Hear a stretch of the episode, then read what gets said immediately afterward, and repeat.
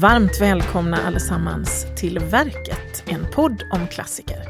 Idag ska vi ge oss iväg till antiken, för vi ska prata om Ovidius metamorfoser.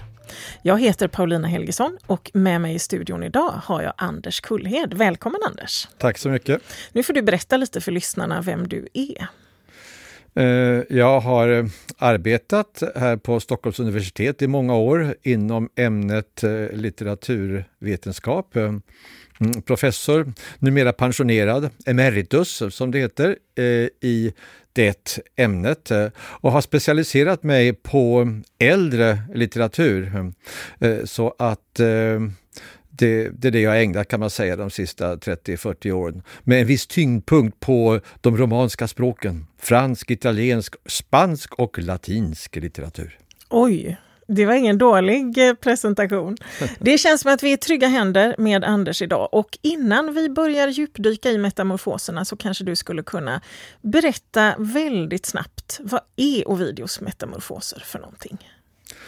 Det är ett litterärt verk eh, från den romerska guldåldern. Och med den romerska guldåldern så menar man vanligen eh, decennierna, årtiondena eh, före och efter vad vi numera gjorde man inte på den tiden, men vad vi numera kallar för år noll, mm. alltså eh, decennierna kring Kristi födelse, då Rom upplevde en litterär storhetstid som aldrig förr eller senare. Så det finns ett antal eh, klassiker, berömda poeter som Vergilius, Horatius och Ovidius eh, från den här tiden. Ovidius är alltså en i det här gänget och han skrev ett antal verk som vi kanske hoppas jag kan komma tillbaka till, men det är metamorfoserna som är det han är mest eh, berömd för. Och om jag bara ska i någon enda mening så här försöka karaktärisera verket så kan man säga att det är ett mellanting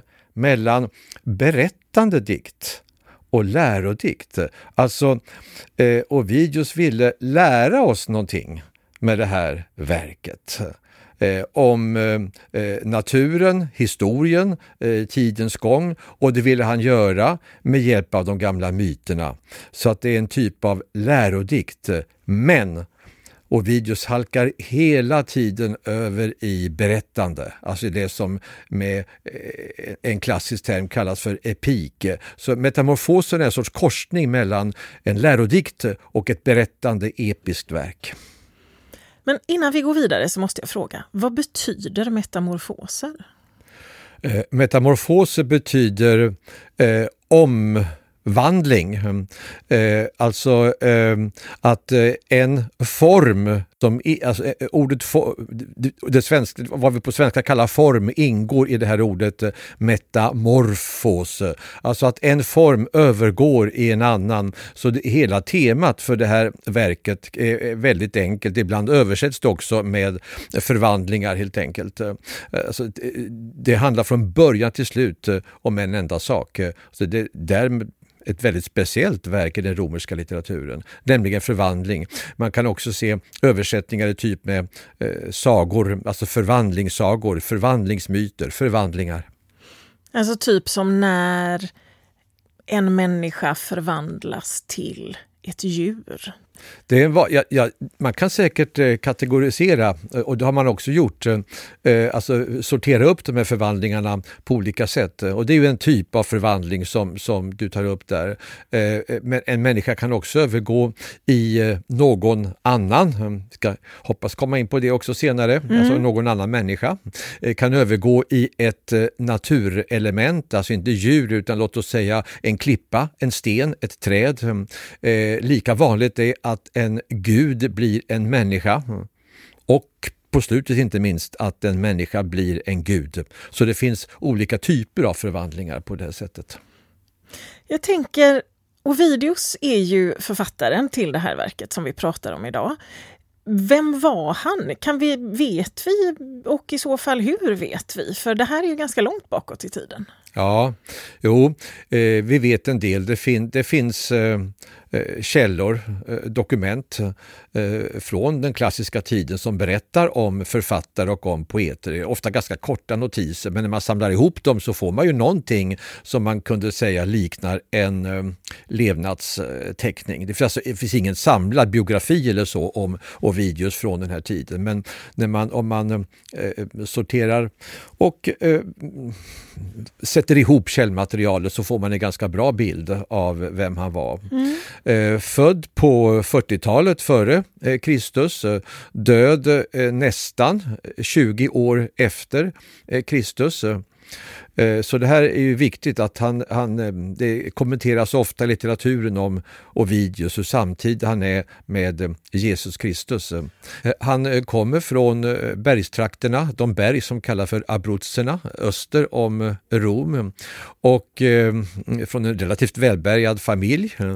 Åker man till hans födelsestad som heter Sulmo Idag eh, så kan man se honom stå staty där på Stora torget eh, mitt i byn, så det är naturligtvis byns store son. Mm. Eh, var tänkt för en ganska konventionell karriär inom eh, det den, romerska, den romerska staten på den här tiden, så han skulle läsa, började också läsa juridik och retorik som var de stora ämnena för de ändamålen. Men eh, han kom i kontakt med litteraturen i tonåren och eh, den sög upp på honom eh, totalt. Han började skriva tidigt eh, i 20-årsåldern och med omedelbar succé. Han blev, kan man säga, den unge mannen på modet i Roms litterära jetset eh, på den här tiden. Så att ja, vi kunde också, det är förstås anakronistiska termer det här, men han blev ett salongslejon som älskade att röra sig i de fina mm. romerska familjerna. Kunde man försörja sig på att vara författare då? Det kan man ju inte idag egentligen, men, med några få undantag. Ja, men ja, hur, hur funkade det rent sådär jo, ekonomiskt? Jo, det, det, gick bra, men man var tvungen att eh, dels vara skicklig och dels ha tur. Och eh, för Ovidius gällde både skickligheten och uh, turen. Och försörjningen gick helt enkelt till så att man man var tvungen att hitta en gynnare eh, som med ett ord just från eh, den här tiden då Ovidius levde mm, brukar kallas för mecenat. Eh, kommer alltså från en av kejsarens närmaste män, också en av de rikaste romarna, Mecenas eller Maicenas det är därifrån vi har det ordet mecenat och man var tvungen att hitta en sådan och Ovidius hittade flera som var beredda att hjälpa honom och stödja honom i den här litterära karriären. Så att han började skriva eh, tidigt eh, och eh, han, han, experimenterade i flera genrer. Han eh, skrev först eh, kärlekspoesi och kärleksdikter. Amores heter de på eh, latin. Eh, ganska underfundiga historier om älskande eh, par som hamnar hamnar i olika, ibland lite pikanta situationer. Pikanteriet hör till kännetecknen på eh, Ovidius tidiga kärlekslyrik. Och när du säger pikanteri så är det liksom lite lätt oanständigt. Sådär. Ja, ja, precis. Ja. Ovidius var mycket svag för oanständigheter. Och det har också gjort honom till ett kontroversiellt namn senare, eh, inte minst under den europeiska eh, kristna medeltiden. Mm. Eh, så att eh, han tar sen sig an lite större genrer så han skriver ett helt verk eh, eh, där han låter eh, eh kvinnliga gestalter ur den eh, romerska och grekiska eh, mytvärlden eh, komma till tals. Och det där är typiskt för Ovidius. Om man jämför honom med hans samtida eh, kollegor så är ju han kan man säga feministen i sammanhanget eh, som eh, hela tiden lägger över, puttar över perspektivet till kvinnorna och i det här verket som heter, brukar kallas för Heroides eller Epistola Heroidum och det betyder alltså brev från hjältinnor eller bara Heroides hjältinnor så är det alltså den välkända historier, det vi känner, mm. det är typiskt för Ovidius, alltså han plockar välkända historier men gör någonting alldeles eget av dem. Det är väldigt sympatiskt det här att han låter kvinnorna få ordet Ja, ja. Ja. de har ofta, eh, alltså i normalfallet i både Grekland och framförallt i Rom var det absolut motsatta. Alltså att det är hela tiden männen som styr handlingen och dirigerar perspektiven. Men här får Penelope ge sin syn på hennes eh, i 20 år frånvarande make. Här får Helena ge sin syn på eh, Paris som kommer och mer eller mindre rövar bort henne till eh, Troja. Mm. Ett, en rad andra eh, mm, gestalter ur mytologin, kvinnogestalter kommer till tals på det här sättet. Men det känns ju väldigt modernt, Anders. Gör det inte det? Så är det. Alltså om, om man jämför eh, Ovidius med hans samtida diktarkollegor så är Ovidius, ja, jag prövade att kalla, det är ju förstås anakronistiska termer det här med att prata om feministen. Han är också modernisten i sammanhanget av de här ur flera synvinklar. Feministen och modernisten, det är ju jättespännande. Alltså modernisten, kan du bara utveckla det lite? Jo, eh, det, är, eh, det har att göra med eh, Ovidius upplägg eh, i samband med eh, vad man med också lite fint ord kunde kalla för fiktionaliteten. Alltså det har med- med fiktionen att göra. För att eh, vi, eh, det är ju så den moderna litteraturen att eh, är det sant eller inte det som berättas? Det aktualiseras numera i samband med eh, framförallt kanske den genre som ofta går under namnet autofiktion. Och Ovidius, eh, till skillnad från många andra, han lämnar den här frågan öppen. Han kan ställa frågan själv i sina texter. Det jag berättar nu, läsare, alltså direkt läsartilltal, eh, kan man verkligen tro på det här? Det verkar ju, inte, verkar ju helt eh, otroligt det jag berättar just nu. Men man vet inte riktigt hur det var med detta, så att avgör själv. Alltså att lägga över perspektivet till läsaren på det sättet och lämna frågan öppen om någonting är sant eller inte i en litterär text. Det är det jag med ett någorlunda i alla fall modernt drag menar här. Och det är inte så vanligt under den här tiden, men hos Ovidius är det genomgående. Det gör ju att vi helt enkelt måste kasta oss över metamorfoserna nu tycker jag och börja prata om dem. Så får vi än så länge i alla fall lämna eh, Ovidius lite därhän. Men kan du berätta lite om hur, hur är den här boken, eller ja, det är egentligen inte en bok så som vi tänker oss det, men hur är det här verket uppbyggt? Eh, det är uppbyggt eh, som det är alltså det första som läsaren misstänker att man ska få ta del av ett stort berättande verk. För det börjar eh, med jordens skapelse. Ja, det var ju verkligen från början får man ju säga. verk- verkligen. Från ägget som det hette på den tiden, ex ovo. Alltså det, det, det allra första, från skapelsen. Och sen så går verket fram till nuet, eller nästan till nuet, eh, nämligen när den eh, mördade Julius Caesar blir en gud, den sista förvandlingen i verket. Mm. Eh, som då ju, man måste tänka sig att det här verket skrevs under eh, kejsar Augustus tid, alltså den samtidiga kejsaren med samtida med Jesus eh, Kristus. Och eh, det var viktigt för Ovidius då man var tvungen att ha höga gynnare som sagt och hålla sig väl med kejsaren. Och det här var ett centralt eh, drag i Augustus eh, program. Alltså eh, gudabli, kejsar, kejsarnas status som gudar och gudablivandet efter deras död. Så det är ingen slump att metamorfoserna slutar med det här. Så det låter ju verkligen som ett berättande verk det här från eh, början eh, fram till nuet.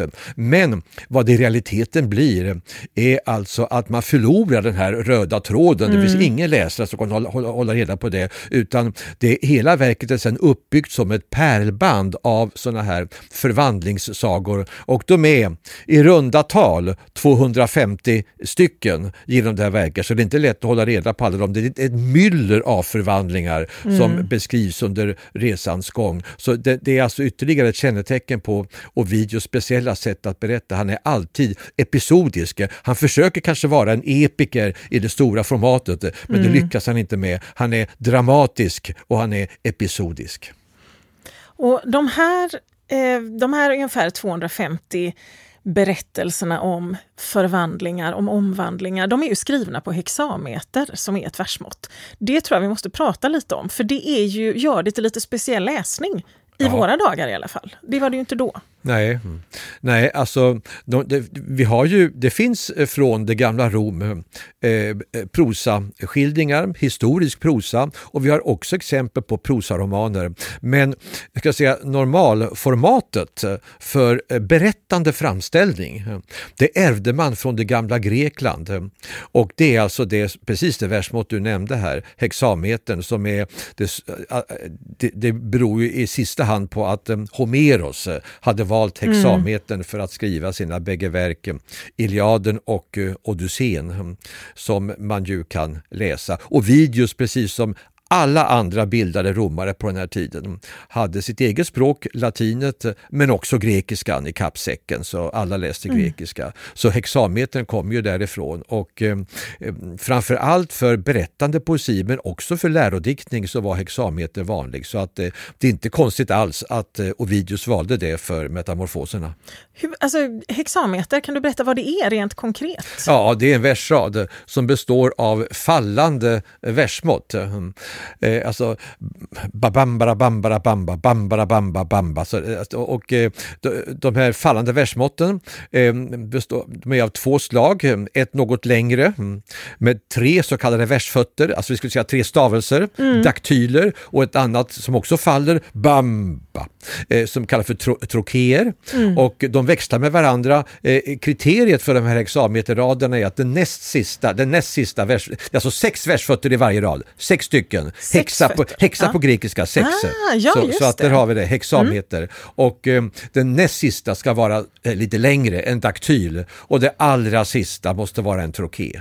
Det är det som är det enda som måste upprepas från rad till rad här i hexametern. Mm. Vi måste ju nästan höra hur det här låter med hexameter. Skulle du kunna tänka dig att läsa lite Anders? Ja, jag kan läsa några rader ur den första av de här 15 böckerna som metamorfoserna består av, eh, som handlar om eh, Daphnes förvandling. Bakgrunden är helt enkelt den att eh, guden Apollo drabbas av just det här eros, alltså det erotiska eh, begäret och jagar efter eh, Daphne. Och hon vill ju inte, hon flyr. Det är en eh, ganska brutal historia som återges här, eh, men på ett väldigt, väldigt, jag skulle säga nästan hudnära sätt eh, av Ovidius. Och Anders kommer nu att läsa ur Harry Arminis översättning av Metamorfoserna från 1969. Han drives av hoppet, hon av sin skräck. Förföljaren, hjälpt av kärlekens vingar, blir den snabbare dock, han förföljer rastlöst och hotar. Redan i flickans rygg han andas på håret som hänger ner över halsen. Kraften tar slut, nu bleknar hon, flickan. Andfådd och matt av sitt häftiga språng får hon syn på Pennevs vågor och ropar Fader, giv hjälp om din flod är en gudom. Hjälp Moder Jord, där jag väckt sådan kärlek, öppna dig eller ändra, förstör den kropp som gör att man kränker min frihet. Detta var Daphnes bön. Då föll över kroppen en domning medan den finaste bark omslöt hennes smidiga midja. Det var väldigt vackert. Men det som händer egentligen är att hon är så rädd för Apollon och ber hennes far, som är en flodgud antar jag, att förvandla henne. Hon måste be sin eh, pappa Penevs, eh, ja. flodguden, precis som du säger, om hjälp eh, för att undkomma det här hotet som blir bara värre och värre. Och hon blir ett träd. Hon blir ett träd, hon blir ett lagerträd. Så den här historien har, precis som många av Ovidius historier, en sorts symbolisk betydelse. Apollon är ju Eh, poesins gud, mm. sångarguden. Eh, det kan låta eh, trist eftersom han är så brutal i den här scenen, en, våldtäk, ja. en våldtäktsman. Det vill men, man ju inte. Nej, men han är poesins gud och de gamla romarna förknippade lagen och lagerträdet, de blev ett lagerträd. Ja. Förknippade just lagen och lagerträdet med poesin.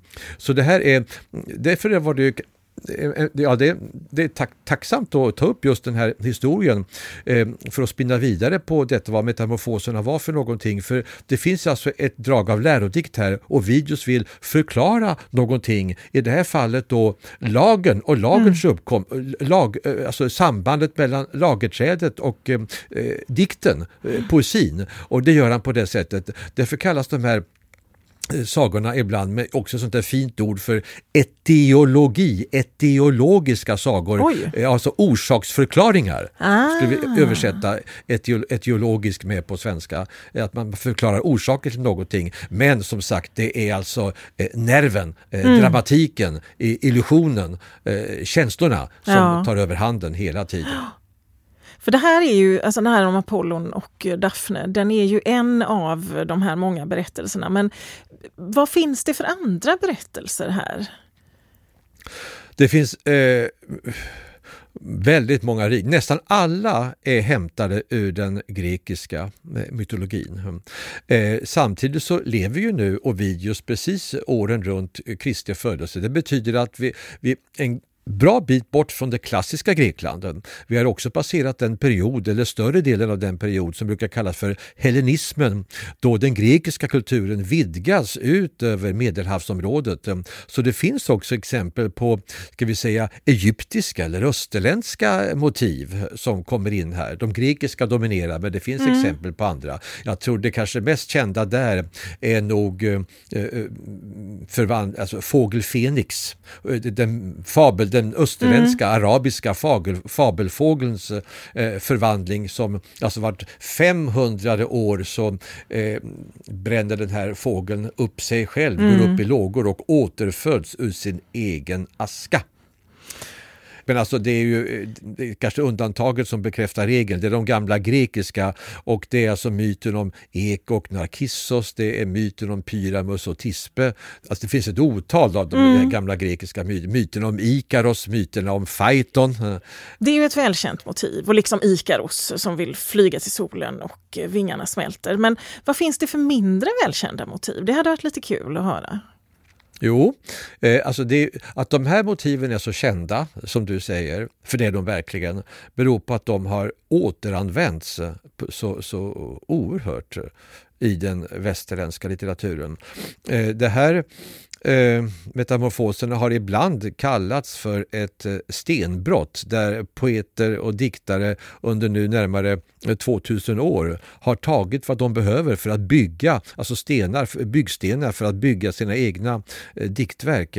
Och det märkliga med Ovidius är att det gäller hela tiden oavbrutet, redan under medeltiden. Och sen under renässansen och så in i den moderna epoken så har Ovidius behandlats på det sättet. Eh, men mindre, alltså det finns ju, så det är svårt egentligen att hitta okända mm. myter. Men det är klart att eh, de här du räknar upp här, Ikaros eller Ekon och Arkissos, eh, de är, de är, de är nästan am, ikoniska, emblematiska skulle vi kunna mm. säga. Kanske inte lika många känner till myten om Glaucus Nej, det gör en, inte jag. Nej, en, fis, en, en, en, fiskare i den gamla grekiska mytologin som eh, satt och fiskade en vacker dag och eh, fick gott om eh, byte. Mm. Eh, han, han, fick napp eh, flera gånger och eh, kastade då fiskarna bakom sig i gräset där de fick dra sin sista suck och så fortsatte han att fiska helt enkelt. Men det mirakulösa inträffade att när de här fiskarna hamnade på gräset så fick de tvärtom eh, nytt liv eh, och började mm. hoppa och skutta eh, på strandkanten där och sen tillbaka i vattnet för att återgå till det element de eh, kom ifrån. Lite oväntat. Mycket oväntat och eh, mest av allt oväntat för Glaucus själv som blir så nyfiken så att han börjar smaka på det gräset, det vill säga de här örterna får vi tänka oss mm. där som han kastar fisken. Och då börjar han själv känna hur han i sitt inre och det är väldigt typiskt för Ovidius. Han är också vad jag skulle vilja kalla för en fenomenologisk poet. Och med det menar jag alltså fenomenologin som en filosofisk riktning som tar sikte på vår erfarenhet av, alltså inte så mycket kanske tankar och idéer och, och så, men alltså vår erfarenhet, eh, vår, våra upplevelser av världen. Eh, alltså det är upplevelsen av förvandlingen som ofta skildras inifrån. Alltså Daphne till exempel, hon känner hur fingrarna börjar växa ut till grenar, hur naglarna börjar omvandlas till löv och så, nästan inifrån kommer förvandlingen. Och samma sak sker alltså här med Glaucus. Eh, eh någonting börjar hända i nederkroppen, alltså det börjar bli någonting fiskstjärtsliknande växande av benen där och fjäll börjar växa ut där det förut fanns hud och sånt där. Och, och vad händer? Vad händer? Hjälp, jag förvandlas! Och han blir alltså vattenvarelse och hoppar själv ner i vattnet. Kanske inte fullt så bekant myt som många Nej. av de här andra. Eh, en eh, annan som, eh, ja den kanske är bekant, men det är historien om Niobe som är en kvinna som visar sig vara exceptionellt fruktsam. Hon får sju eh, pojkar och sju flickor och hon skryter med detta för gudarna Apollon. Där har vi Apollon igen ja. och Apollons syster eh, Diana.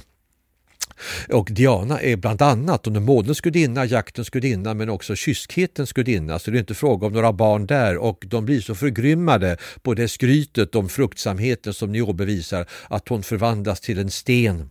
Och eh, Ovidius kommenterar det här själv med att eh, i stenen ser man fortfarande moderns tårar glimma för att innan hon förvandlas till en sten så dödar Apollon och Daphne också på ett grymt sätt. Många metamorfoserna är ganska grymma. De dödar alla 14 barnen.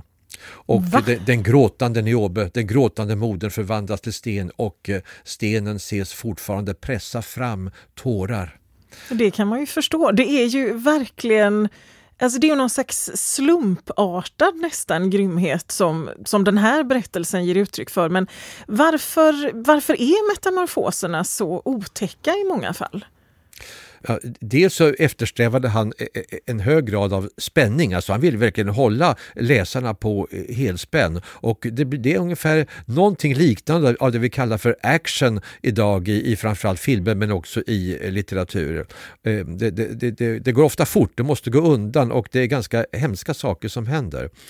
Och också den tidens läsare kunde ha en dragning åt lite förfärliga saker som vi också ser exempel på i dagens framförallt populärkultur. Ja, det är alltså sex och våld i snabbt tempo. Ja, ja. Både idag och eh, ja, för 2000 år sedan. Sex och våld i snabbt tempo. Och eh, man kan säga ett stående tema, eh, det gäller inte alla de här 250 förvandlingssagorna, men ett stående tema i dem, det är just våldtäkten. Och det intressanta där är att Ovidius är själv medveten om att det är förfärliga saker han mm. berättar om och han visar också sitt avstånd till det han berättar om och han låter ofta perspektivet är då ibland förövarens men ännu oftare offrets, alltså det kvinnliga mm. offret som får då eh, tala ut om det här.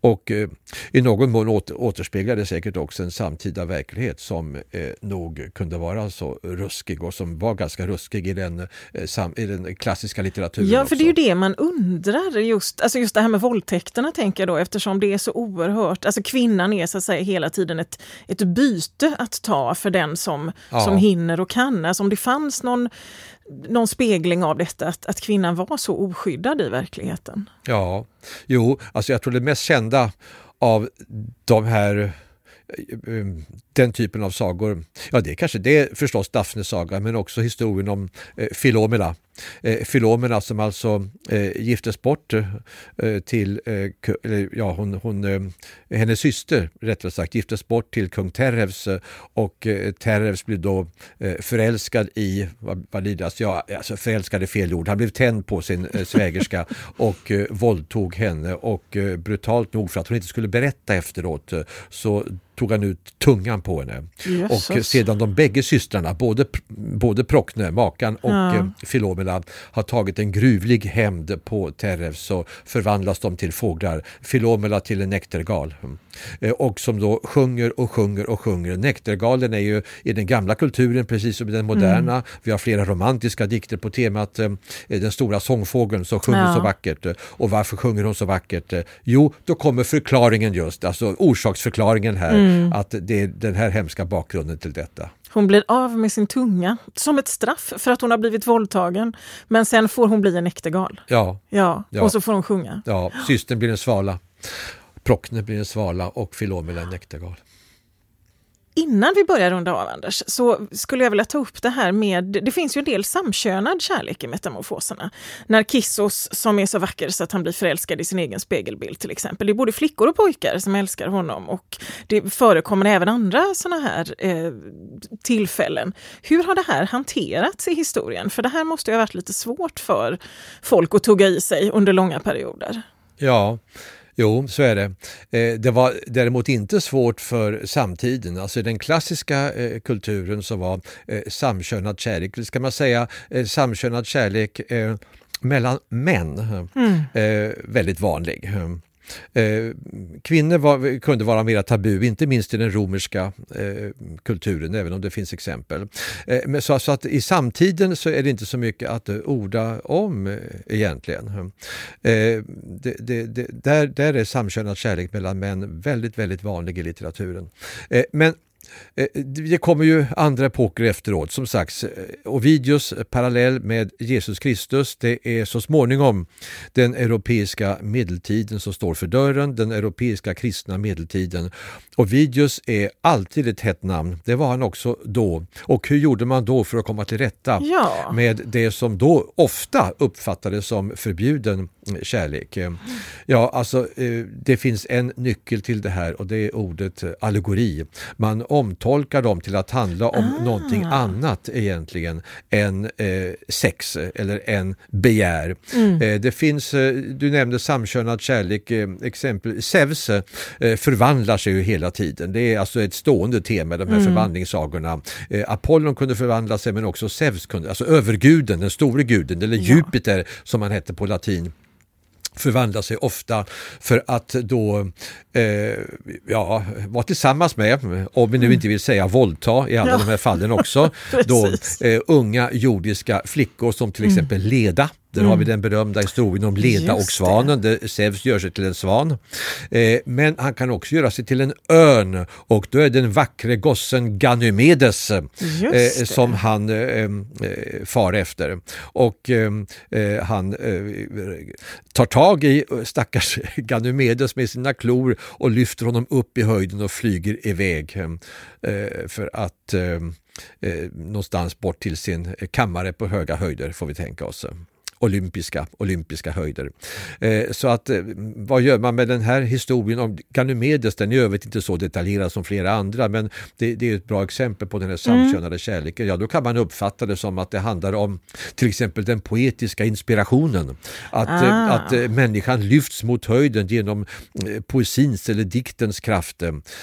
Det finns jag vill gärna ge ett exempel på, till för det. är om vi drar det här samkönade ett steg längre eh, till det som definitivt inte är eh, heteronormativt utan vi skulle snarare säga eh, har att göra med eh, transor och transar idag. Mm. Eh, myten om hermafroditen. Alltså där har vi då mm. en ung pojke eh, som heter Hermafroditus och det heter han för att han är då, hans pappa heter Hermes, guden Hermes och ah. mamman är gudinnan Afrodite.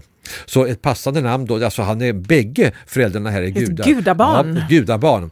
Passande namn blir ju då Hermafroditus mm. och eh, nymfen Salmakis, en eh, havsnymf eller sjönymf, en najad som det kunde heta, blir då förälskad i Hermafroditus men han är kysk och vägrar absolut att eh, ligga med henne. Eh, och då så ber hon ju till sina föräldrar, sina höga gudar. Att den här pojken som avvisar mig på det här sättet, eh, låt mig sammansmälta med honom, låt mig bli ett med honom. Mm. Om inte han vill själv så får väl ni se till det. Här kan man säga, här har vi ett övergrepp också på sitt ja. sätt, från den kvinnliga parten ja. mot eh, den unge kyske gossen. Och hon blir hjälpt på det här sättet. Hon blir ett med honom så vi får en helt ny varelse, en blandning av kvinna och man som heter hermafrodit. Och på det här sättet vill alltså Ovidius återigen förklara eh, förekomsten av ja, transor. Precis. så, så, att eh, det är, och, och det här hur upplevde europeiska bilder? Det var inte acceptabelt alltså i, i, det, i, det, i, det, kristna, fromma, i varje, fall, i varje fall det fromma medeltida perspektivet. Medeltiden var inte alltid så from, men fromheten dominerar. eh, jo, det blev då ett sorts eh, allegori, alltså en, en, en, symbolik för äktenskapet. Så åtrår ah. en man en kvinna och så åtrår en kvinna en man och äktenskapet syftar till en total sammansmältning mellan kvinna och man och det kan man se i den här myten. Så det, är, det är så ju... man, man, man kan moralisera hela tiden och videos för att komma till rätta med ja. dem när han blir för svår att ta. Och det blir ja. han ibland under den europeiska medeltiden. Ja, det är ju väldigt praktiskt när man bestämmer sig hela tiden för att saker betyder någonting annat än vad de gör. Det är liksom alternativa fakta i medeltidstappning lite grann det här. Exakt. Exakt. Men nu läs, nu, när du läste för oss förut Anders, så var det ju ur Harry Arminis översättning som kom 1969. Eh, vi får bara säga någonting snabbt också om hur många översättningar av Ovidius finns det på svenska?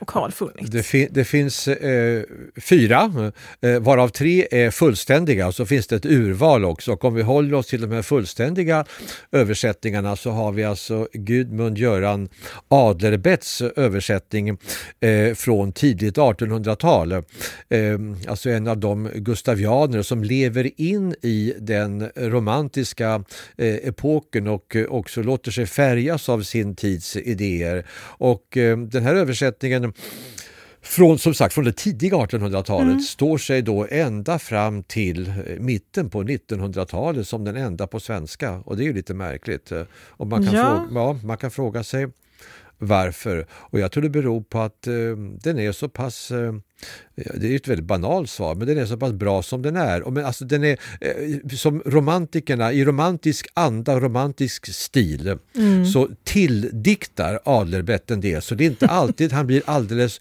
ovidiansk. Vi får alltså en romantisk Ovidius med lite alltså, drag av eh, eh, romantisk, ibland lite förandligad romantisk kärlek. är det som hos Ovidius är ganska rått, grovt begär. Ja. Det som är sex helt enkelt hos mm. Ovidius. Det blir någon sorts eh, oändlig åtrå här, romantisk oändlighetsåtrå i, de, i Adelbets version. Men, men alltså det är poetiskt fullödiga, väldigt mm. vackra rader som Adelbert konstruerar. Jag tror det är det som ligger bakom. Eh, precis som, som, som, som andra översättningar från, från den här tiden av Vergilius och så här så, så ligger det bakom eh, hållbarheten här. Men så småningom så, så, så man såg ju det att eh, det behövdes en nyare, en modernare och en mm. mera Ovidius-trogen översättning ja. och det är därför som då Armini eh, kommer med sin översättning 1960 nio. Ja, eh, precis. Tro, ja, tror jag att det var, ja. Eh, som då är eh, betydligt mera Eh, ja, den kan man säga, eh, går kanske ibland, det, det är en väldigt det är en bra översättning och fortfarande mycket läsbar översättning och utkom också i nyutgåva eh, då, eh, tillgänglig på Litteraturbanken för alla som är intresserade av den eh, för några år sedan bara. Så det, det, visar ju alltså på att det här är en mycket, mycket läsbar eh, text än idag. Eh, om man vill säga någonting, eh, ungefär som om Adlerbett, då, någonting kritiskt om den är det kanske att han går ibland lite, kanske lite väl långt åt andra hållet så att han blir nästan som i protest mot Adlerbett vill, eh, eh, om inte platta ut så i varje fall bli lite väl prosaisk ibland i sina, i sina översättningar. Men alltså det, han behåller naturligtvis versen och hexametern och, eh, och sådär. Och, och det är mot den här bakgrunden som eh, Ingvar Björkesson, eh, som har översatt så mycket från den klassiska litteraturen, också översatte Metamorfoserna eh, för ett tiotal år sedan. Och han går kan man säga en sorts eh, eh gyllene medelväg här. Han, han försöker göra rättvisa åt eh, eh, originalet, åt Ovidius och som Ovidius vill ha det. Samtidigt som han ju också, precis som Armini och Adlerbett, behåller hexametern och eh, gör den så vacker han bara kan. Vi får vara tacksamma för det. Och då ska jag bara fråga dig, är det svårt att läsa metamorfoserna? Nej, egentligen inte. Jag tror att om man läser den förutsättningslöst eh, så, så kan man, eh, eh, om det, om det vore något råd jag skulle ge läsare som kommer inför den här texten första gången så är det att läsa på, försöka glömma lite grann all den här lärdomen, alla de här namnen jag nämnde alldeles nyss i den klassiska mytologin som finns. För det, det, det är en historia det här som vimlar av bakgrundsinformation och som vimlar av namn och platser i den gamla klassiska världen som för oss är förlorad sedan över 2000 år tillbaka nu. Men, men alltså det är inte för att om Ovidius själv, om han kunde tala till en läsare idag i Sverige och 2021 så skulle han också säga det. Jag är fullkomligt övertygad om det. Eh, häng inte upp det på det här. Glöm in, eh, låt inte detta styra läsningen utan försök att njuta av spänningen, dramatiken, nerven, glöden i de här fantastiska berättelserna. Och med detta ypperliga råd tycker jag ifrån Anders så ska vi knyta ihop oss för idag. Det har varit en fantastiskt rolig stund. Eh, vi har befunnit oss i antiken och det har varit så roligt. Tack snälla Anders för att du var här och pratade metamorfoser. Tack! Och tack till alla er som har lyssnat. För er som vill känna av den ovidianska pulsen, gå in på litteraturbanken.se och läs och det finns också en direktlänk på anekdot.se. Tack för idag. Du har lyssnat på Verket, en podd om klassiker, producerad av bildningsmagasinet Anekdot i samarbete med Nationalmuseum och Litteraturbanken. Alla avsnitt samt fler poddar, filmer och essäer hittar du på anekdot.se.